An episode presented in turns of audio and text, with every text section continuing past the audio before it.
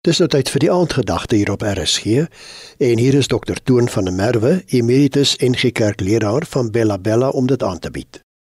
Goeienaand.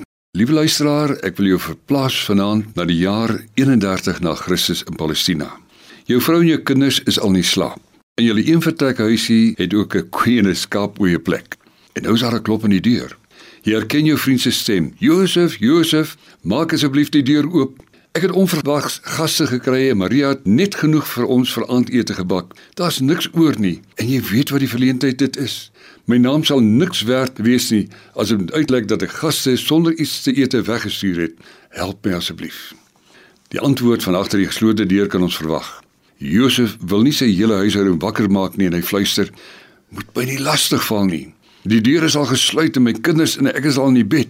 Ek kan nie nou opstaan en vir jou dit gee nie."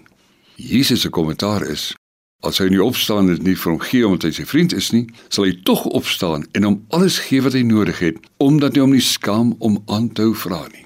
Die oorspronklike staan, hy skaamteloos aanhou klop.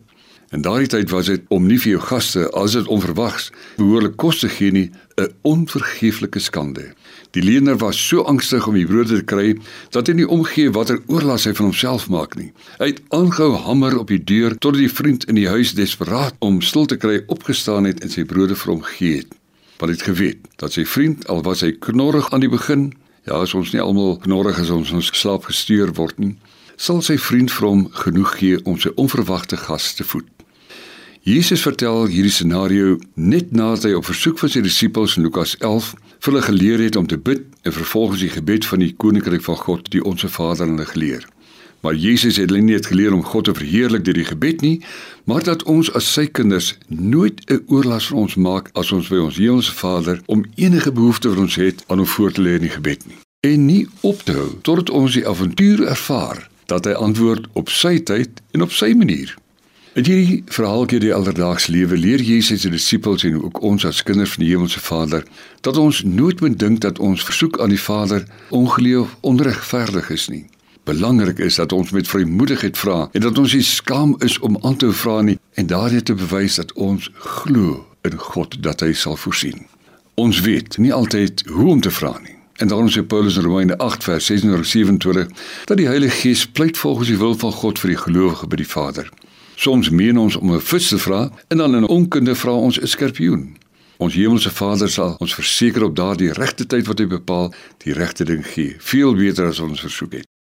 Dink net terug aan jou versoek aan die Vader en sien met verwondering hoe hy dit geantwoord het.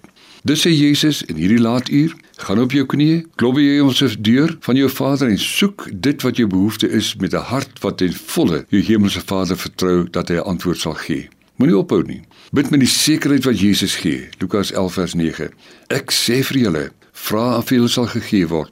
Soek en julle sal kry. Klop en vir julle sal oopgemaak word. Elkeen wat vra, ontvang. Elkeen wat soek, kry en vir elkeen wat klop sal oopgemaak word.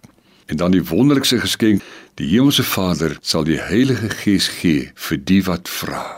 Die Heilige Gees wat ons troos, wat ons in alle waarheid en geregtigheid lei en rig wat ons sal bewaar tot dit ons kom haal. Bid saam met my. Hemelse Vader, U het vir ons die brood van die lewe Jesus Christus gegee. U verseker dat U nog steeds vir ons voorsien, dat U Jahwe Jire is. Ons loof U daarvoor in Jesus se naam. Amen. Die aandgedagte hier op RSG is vanaand aangebied deur Dr. Toon van der Merwe, emeritus NG Kerkleraar van Bella Bella.